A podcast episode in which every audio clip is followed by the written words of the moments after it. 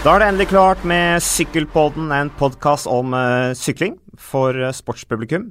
Vi vil i denne podkasten dykke ned i sykkelsporten og ta for oss alt fra dagsaktuelle nyheter, resultater til temaer som går mer i dybden i den komplekse, dramatiske uh, sporten som sykkel er.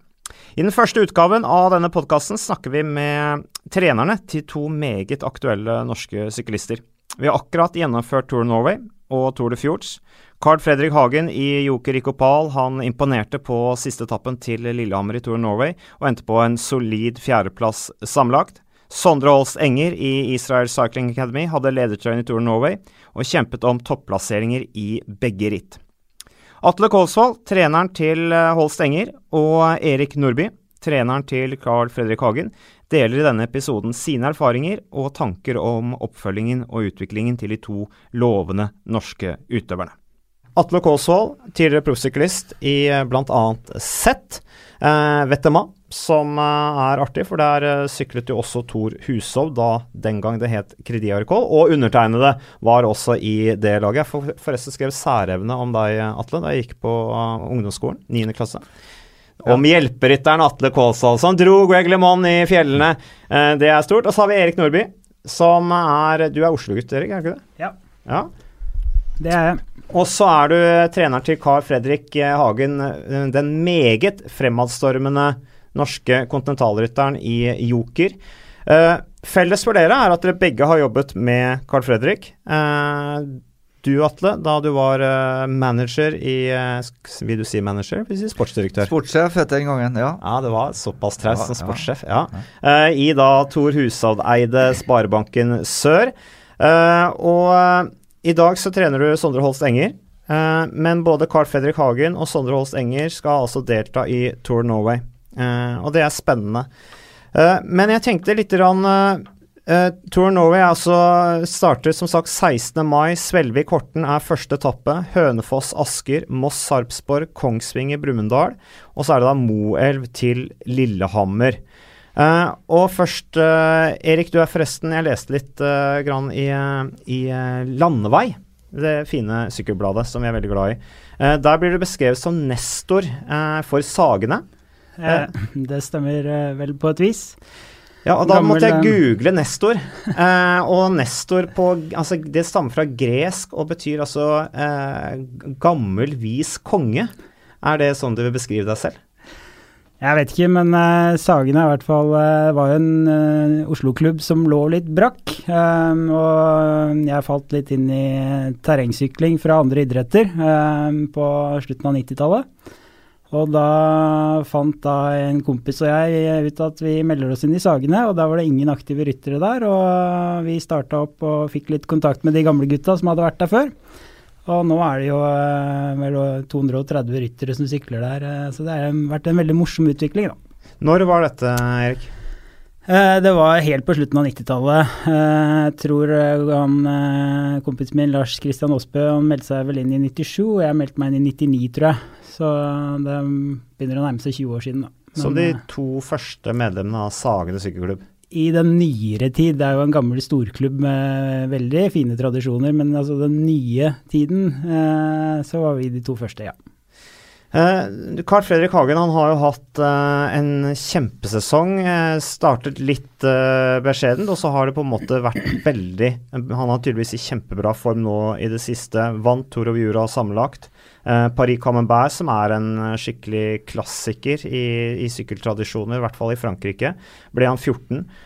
han ble, fikk en imponerende niendeplass i Tour de Finisterre i et selskap som var Altså, det var World Tour-selskap.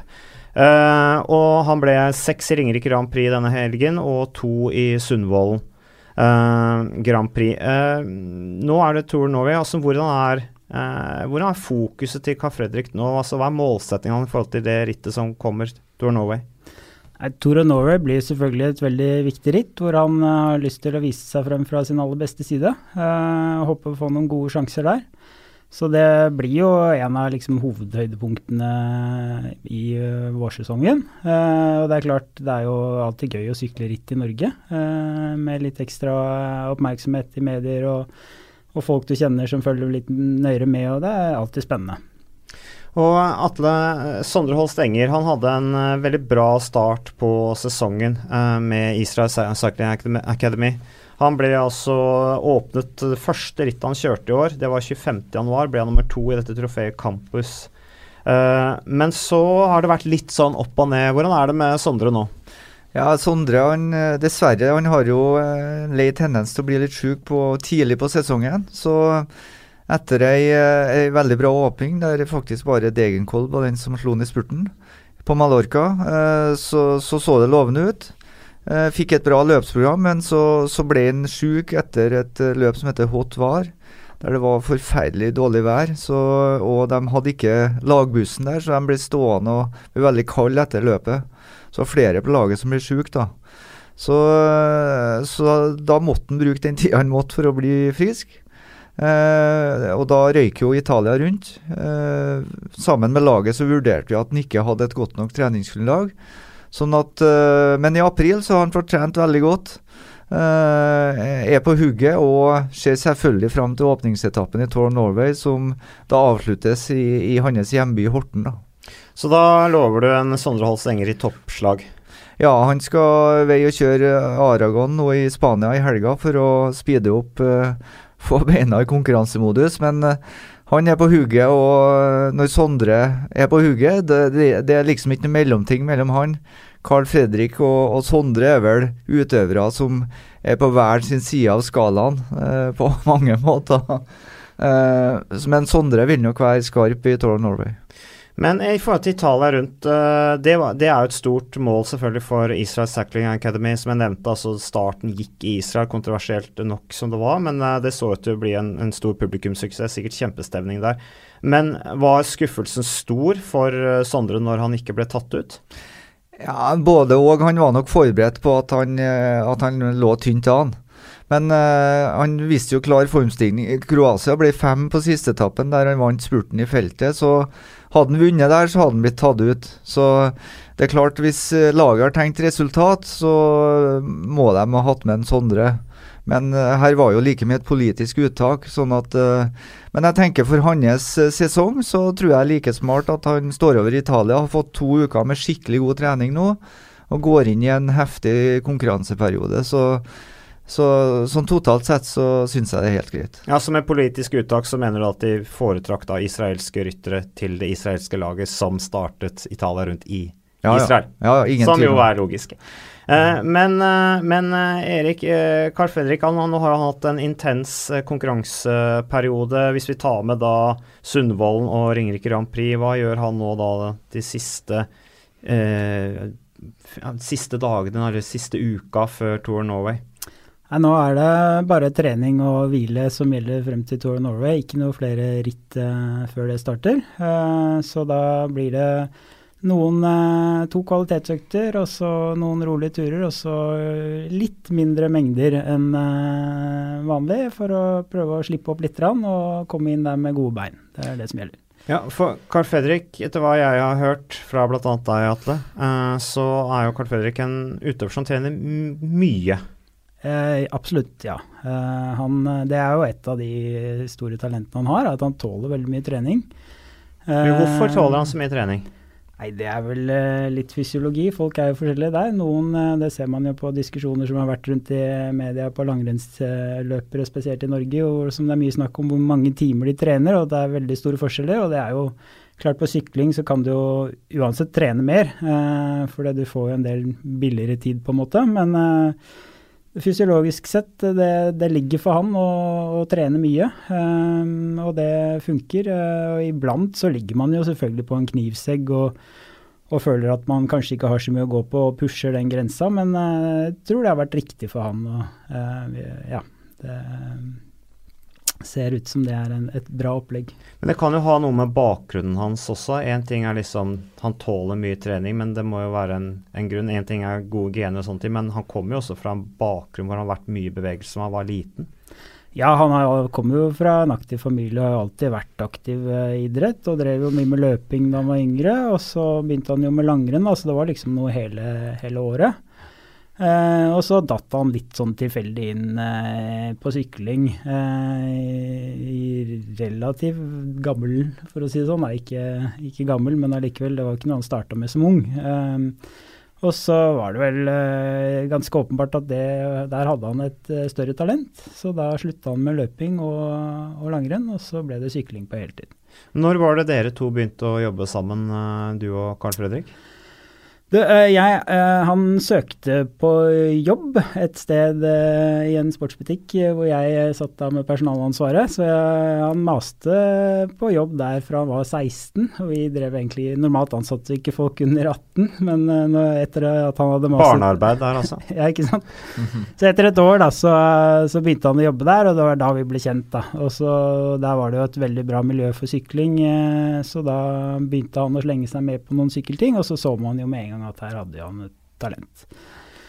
Så da satt vi en eh, Det var jo da eh, Nå må jeg tenke litt hvilket år det var, da. Men uh, han sykla to år uh, på et uh, MTB før han konverterte til landeveien, så det er det seks år siden, da. Så da um, sa jeg til han at hvis du slutter med langrenn og slutter med løping, så skal jeg trene deg på sykkel, og da blir du god. Og da sa han ja med en gang. og da var det liksom det. Men det var forutsetning ikke at han gikk over til skikkelig idrett? Ja, altså han kunne jo ikke drive og holde på på tre idretter. Han hadde, ja, og det var, for meg var det åpenbart at det var sykling hvor talentet virkelig lå. da, Selv om han var en absolutt habil langrennsløper også, så var han jo større talent på sykling. Men Atle, du har jo jobbet med, med Carl Fredrik Hagen, og, og, du jobber nå med Sondre Holst Enger. Hvordan vil du beskrive, De er ganske vidt forskjellige personer. altså Begge de to har vært mye i bevegelse da de var små, mm. uh, og har veldig gode forutsetninger for å bli gode. De er vidt forskjellige typer mennesker. Eh, Bohem på hver sin side, men kanskje slik jeg i hvert fall oppfatter Sondre Enger, så har han kanskje litt ikke så strukturert, da. Eh, eh, hvor, hvordan er det å jobbe med så Du som har bakgrunn fra begge, altså hvordan jobber man forskjellig med så forskjellige typer mennesker? Ja, nå, Jeg har jo aldri trent Carl Fredrik, men uh, var jo og leda han i masse løp. Pluss at vi hadde jo Erik et veldig godt samspill på trening. Mm. Uh, jeg må jo si at når uh, jeg fikk se og fikk høre når de fortalte åssen åssen uh, Kalle trente Kallenavnet hans er jo Kalle. Mm. Så, så hadde jeg jo en del spørsmål rundt det, for at det var veld, veldig store mengder. da. Jeg tror kanskje han er den jeg tror nesten jeg vil si han er den syklisten i Norge som trener mest. da. Men etter hvert, når jeg så både periodiseringa, årsplanen, åssen systemet var lagt opp osv. Han er jo kanskje den rytteren som slipper opp mest, fra stort volum til lite volum inn mot store mål. Eh, så det er en ganske spennende måte å legge opp treninga på. Men de to typene, da. Eh, Carl Fredrik er jo veldig strukturert. Eh, altså Jeg vil vel si at hvert sekund av det han gjør i treningsarbeidet, er planlagt. Og han treffer veldig på intensitet, da. Eh, og bruker de verktøyene, både watt og pulsmåler, eh, på den måten det skal brukes, eh, sånn som jeg tenker. Mens Sondre han blir jo gal av å ha en wattmåler på sykkelen. Han har en feeling. Kalle har jo en feeling mm. i det her, men Sondre styrer veldig mye av treninga si på feeling. Og det er klart, som trener, da få ut harde facts mm. på hva som egentlig er gjort ned. Det lagt ned av trening, det kan være en utfordring. Så det er veldig avhengig av at han setter ord på både hva han har gjort, og feelingen, da. Eh, Sondre er jo en kunstnertype, eh, så han, han, lever på en måte i nuet. Og Hvis du på en måte trær et A4-system over han, så da tror jeg han legger opp på dagen omtrent. Men han vil ha veldig konkrete treningsplaner osv. Men følger han de, da? Ja, når, når han er på, så gjør han det. For Carl Fredrik er veldig til å følge treningsplaner, slik jeg har oppfattet det. Ja, ja absolutt. Ja. Men Sondre han kan være òg sånn at for han eh, han er jo en skikkelig vinnerskalle, så når han føler f.eks. på ei økt at her kan jeg pushe mer, så, så kan han legge på både sju og åtte timer når det egentlig står fem. Ja, så han er, litt, impulsiv òg, da, i ja, treningsarbeidet. Men ja. det gjør det jo krevende å følge han opp òg. Ja, det er det. Men mm.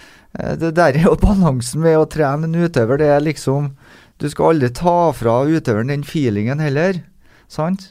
Men så har han han har òg den egenskapen at hvis han er nedkjørt, så kan han ligge tre, tre, dager på sofaen for å få igjen overskuddet. Litt sånn Petter Northug type, da. Så, men det er jo det som er så spennende med å ha ulike utøvere, at de er så forskjellige, og så presterer jo begge to. Eh, Kalle er mer stabil enn Sondre, da, og det er jo utgangspunktet at han trener mye jevnere over tid. For Sondre har jo hatt en god del sykdom. Men uh, i Tour of Norway så tenker jeg vi får se begge langt frem. da. Og da går eh, Sondre for gull. Ikke bare på etappen til Horten, men i sammendrag også, for han er en brukbar bakkerytter også. Ja da, han ble jo, husk på han kjørte uh, andre år senior, var det vel. Da, da ble han jo uh, faktisk tre sammenlagt i Tour Norway. Og, og var sprek òg på Lillehammer-etappen, som, som, vel er den hardeste i år. Altså, han eh, går nok all in, tenker jeg. Ja. Og Carl Fredrik, eh, hva tenker han om Hva er ambisjonene hans i sammendraget i, i Tour Norway? Nei, det er jo litt uh, lite bakke for at han på en måte virkelig føler at dette er rittet for han. Men det er klart det er jo noen etapper, og det, han vil jo normalt være jevnt høyt oppe hele veien. Uh, så jeg, jeg, har ikke spurt han uh, akkurat hva han tenker, men jeg, han bør jo kunne plassere seg i topp ti sammenlagt sånn i utgangspunktet, hvis jeg ikke har noen uhell eller det skjer noe uforutsett. Um, det viste han jo i fjor, og at det er mulig, så det, det tror jeg. Men altså, men han, han, han, spisser formen inn mot Tour Norway. Det er ikke sånn at han tenker at ok, Tour Norway er ikke så laget for meg, så om jeg er i toppform der, det er egentlig ikke så viktig, for jeg tror ikke at jeg kan på en måte være med og kjempe om seieren pga. at løypa ikke passer meg bra nok. Nei, altså Vi slipper opp litt nå for å mm. prøve å ha gode bein inn der. Eh, det er jo ikke noe sånn eh, superformtopp det legges opp til, men absolutt eh, slipper opp mer nå enn det har vært gjort før noen ritt tidligere så langt i denne sesongen. Men som sagt, han trener mye. Han er jo jevnt på et høyt nivå og vil jo på en måte alltid kunne prestere ganske bra så lenge han ikke har en veldig dårlig dag. ja. Så, men uh, jeg håper jo å kunne lure ut litt sånn ekstra gullbein nå, absolutt. Men uh, i forhold til uh, dette her med Vi, er, vi går nå inn i mai. eller vi er i mai, og, og, det er på en måte for noen er dette en veldig mellomperiode. Altså du har sånn som Edvard Baasen Hagen står på startstreken i Tour Norway. og jeg vil jo anta at han stiller og gjør sitt beste.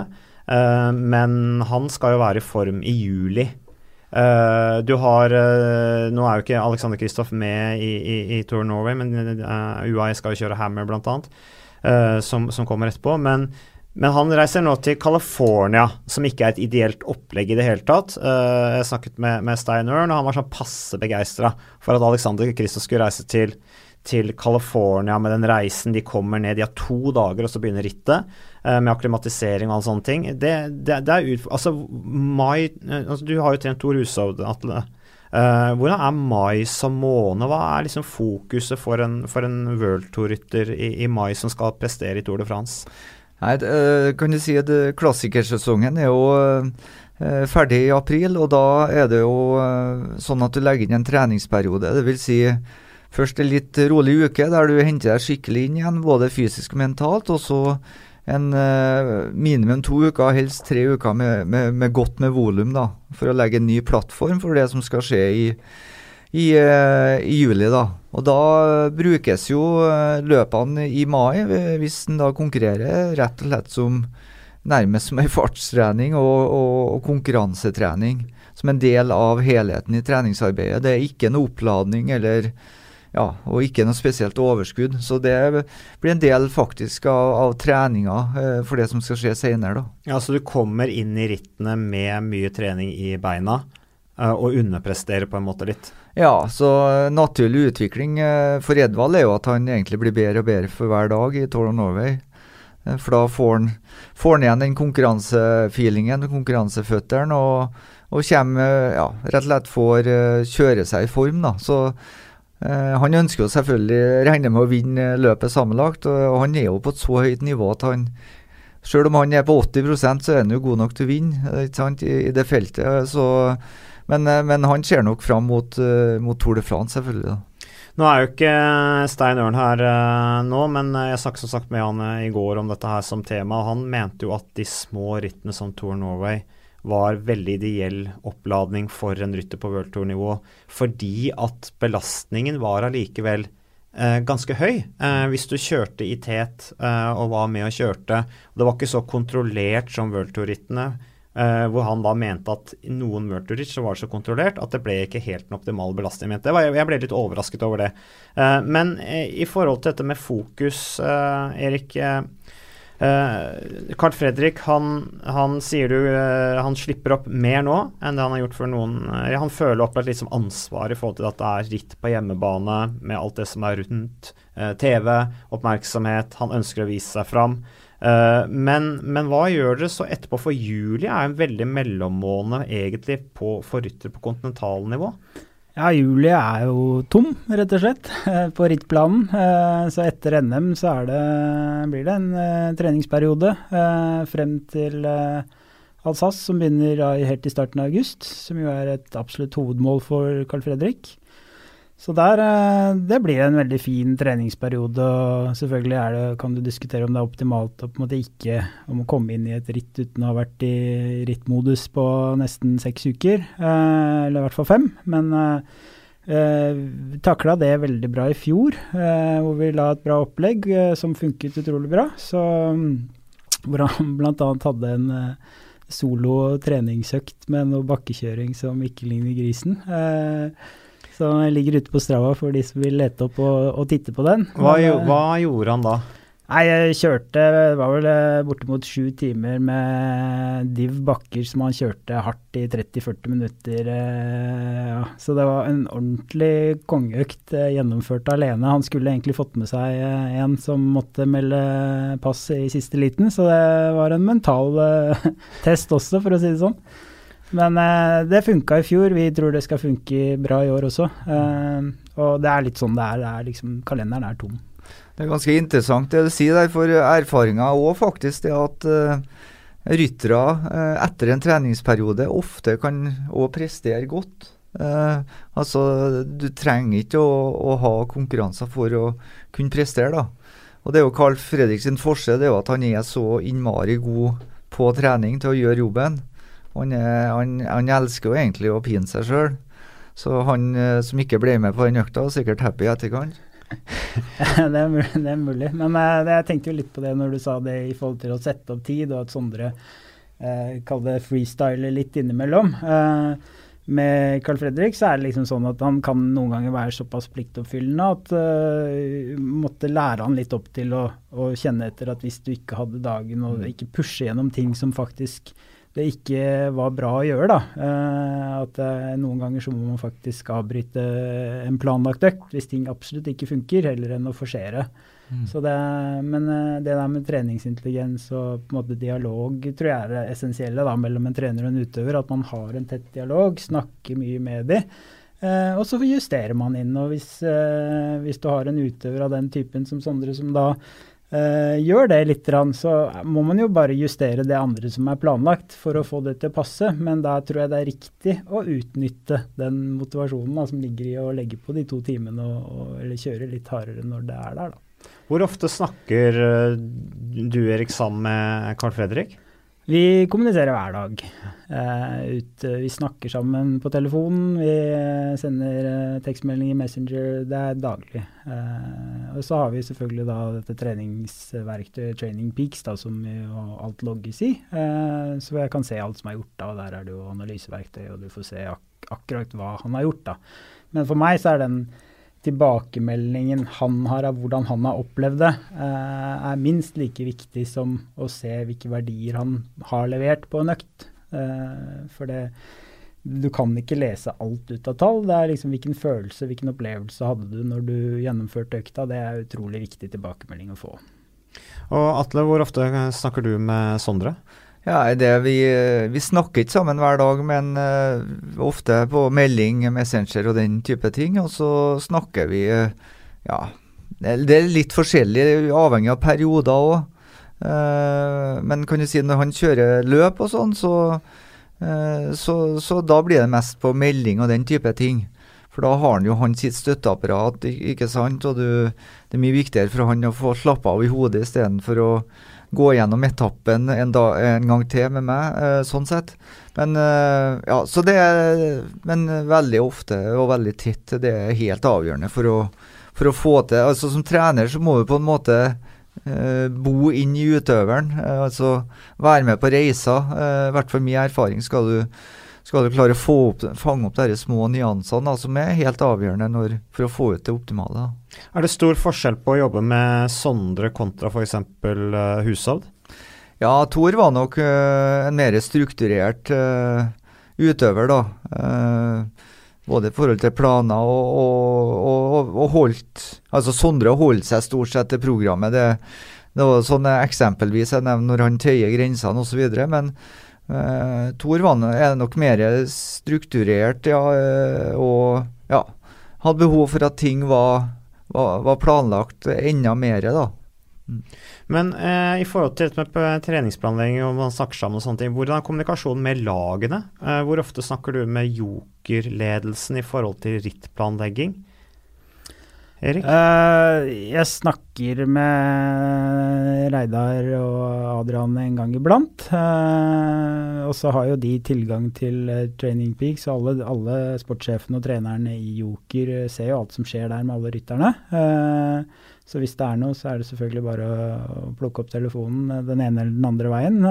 men i hovedsak når, når de er på ritt, så er det jo, eller på samling, så leverer jeg på en måte Carl Fredrik over til de, og så handler de eh, den situasjonen. Eh, og så får jeg De er veldig flinke til å rapportere liksom, hvordan de har opplevd et ritt eh, fra bilen, eh, som jo også er på en måte veldig interessant å sammenligne med den tilbakemeldingen jeg får på hvordan Carl Fredrik har opplevd det selv. Uh, så det er bra dialog der òg, selv om vi ikke snakker sammen så ofte. Så er det en fin dialog. Men hvordan er utviklingen til Carl Fredrik i forhold til dette her med En ting er med trening og kapasiteten hans, som er, den er tydeligvis den, den, er jo veldig bra. Har et veldig potensial. Hvordan er det rent taktiske? i forhold til utvikling i felt og de tingene der, har, har du, er du veldig involvert i den prosessen også? Nei, Vi diskuterer jo litt, eh, men der er jo eh, type Atle, Stian, Adrian, Reidar, eh, Gino som har jo hjulpet ham veldig mye på de taktiske tingene i de to lagene han har syklet i nå på landeveien. Så det, det, er klart det er begrenset uh, hva du kan gjøre som trener når du ikke er til stede og ser akkurat alle situasjonene. Så det, den jobben som gjøres i lagene der, er jo uvurderlig. Han har jo blitt veldig mye bedre teknisk, uh, nei, taktisk enn han var. Uh, taktisk og teknisk, for det er jo veldig teknisk det å sitte i felt og plassere seg, og, ja, og det presset som er i feltet. Ja, så, det, så der er jeg føler jeg han har uh, hatt en veldig fin utvikling. Det har vært, uh, vært, veldig mye flinke folk rundt han i de lagene han har syklet i. da. Så uh, plukket opp mye og begynner å komme seg. Og så kan det selvfølgelig er det alltid mye å lære, og det er nye situasjoner som dukker opp. og Senest nå på søndag, ikke sant. Uh, var det et riktig valg uh, å starte si, jobben så tidlig som de gjorde, eller burde de hatt mer is i magen og venta lenger og sett om, om det samla seg uten at de trengte å bruke så mye krefter selv, f.eks.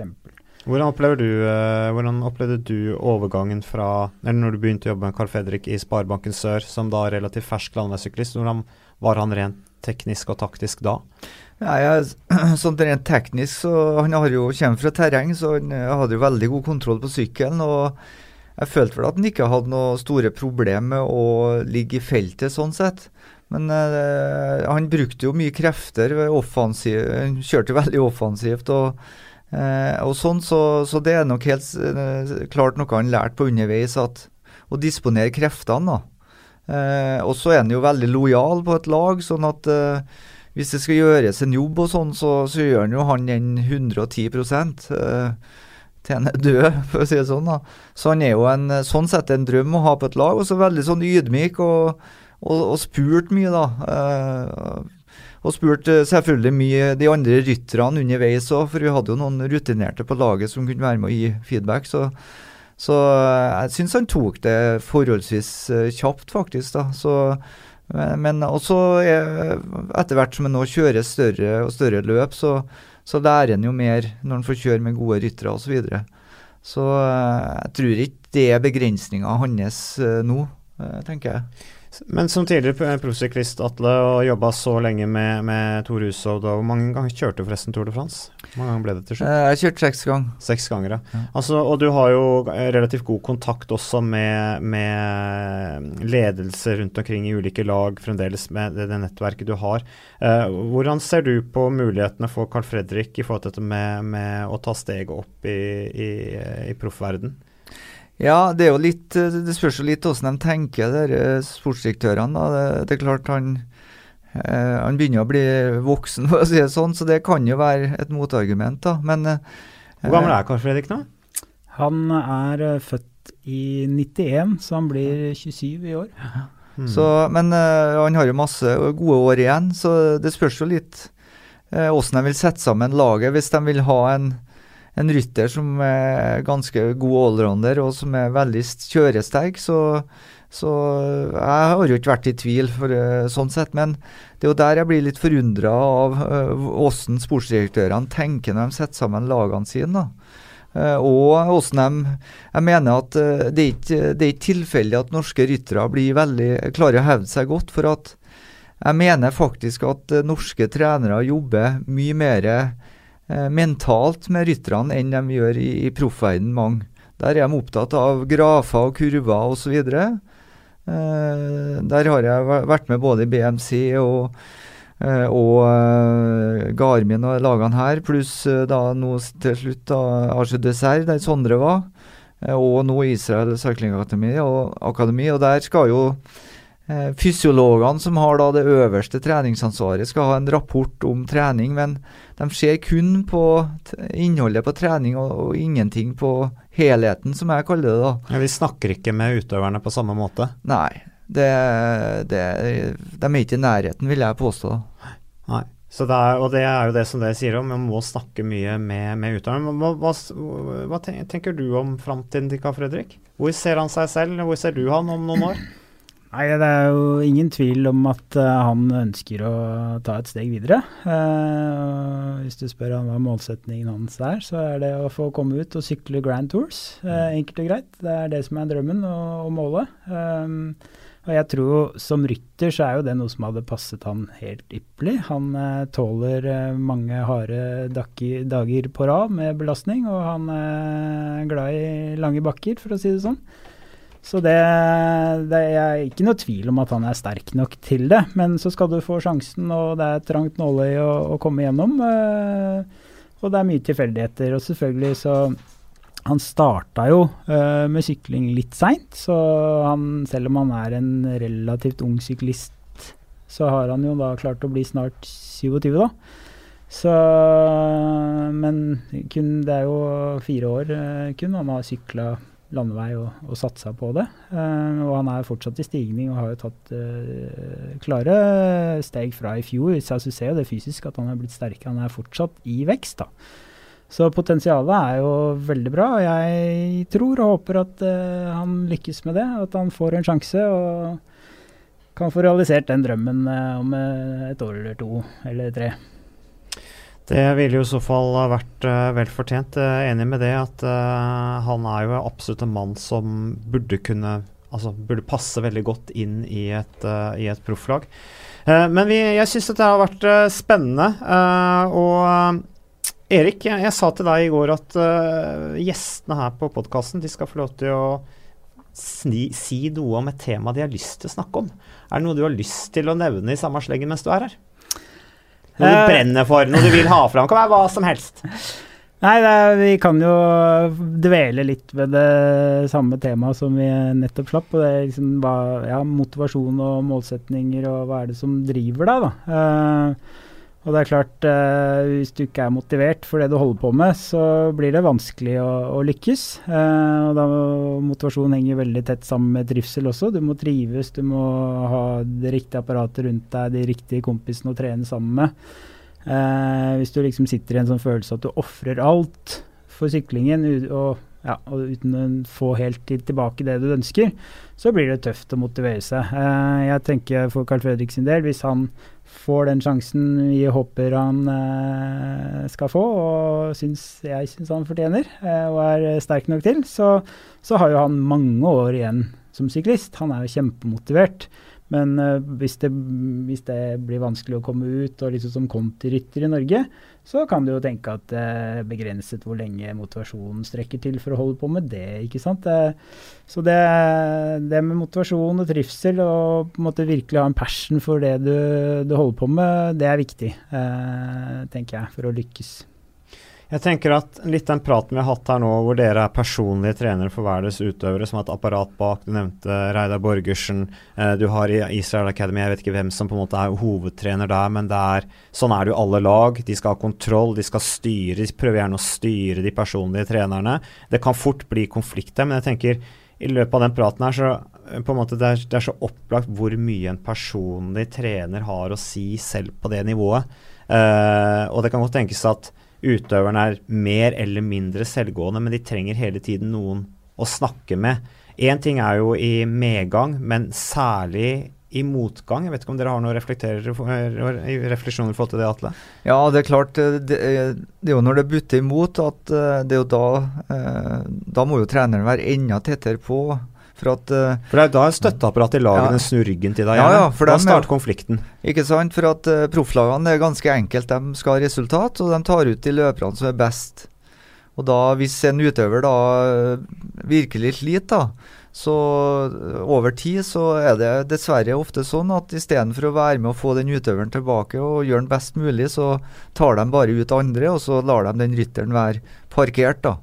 Så det er klart, da har uh, treneren en utrolig viktig rolle for å holde motivasjonen opp og, og se at her er lys i tunnelen. Da, for det er fort gjort for en utøver å bli stressa og, og, og, miste motivasjon. Så, så, da Så jeg tenker jo at uh, Og det er jo mange som mange trenere som setter bort uh, i gåsetegn, setter bort utøveren sin til Den kan være til en styrketrener, det kan være til en mental trener osv. Jeg tenker at det er treneren som må ha har ansvaret og må se helheten. Uh, og hvis du ikke er med på den reisa, bl.a. den mentale reisa sammen med utøveren, så er i hvert fall uh, min erfaring og min filosofi at da blir treneren litt parkert. da. Så, så det er altså det å være trener, det er ganske spennende. ja. Jeg, jeg, Erik Nordby og Atle Kaasa, tusen takk for deres bidrag til uh, tidenes første sykkelpodkast på TV 2. Uh, vi ønsker Sondre Holst Enger og Carl Fredrik Hagen lykke til i resten av sesongen. Tour Norway, alt som kommer. Og med tanke på fremtiden, så så ses vi der ute i løypa. Og til dere som hører på, takk for at dere var eh, med. Eh, og vi kommer tilbake med flere podkaster i To sykkel.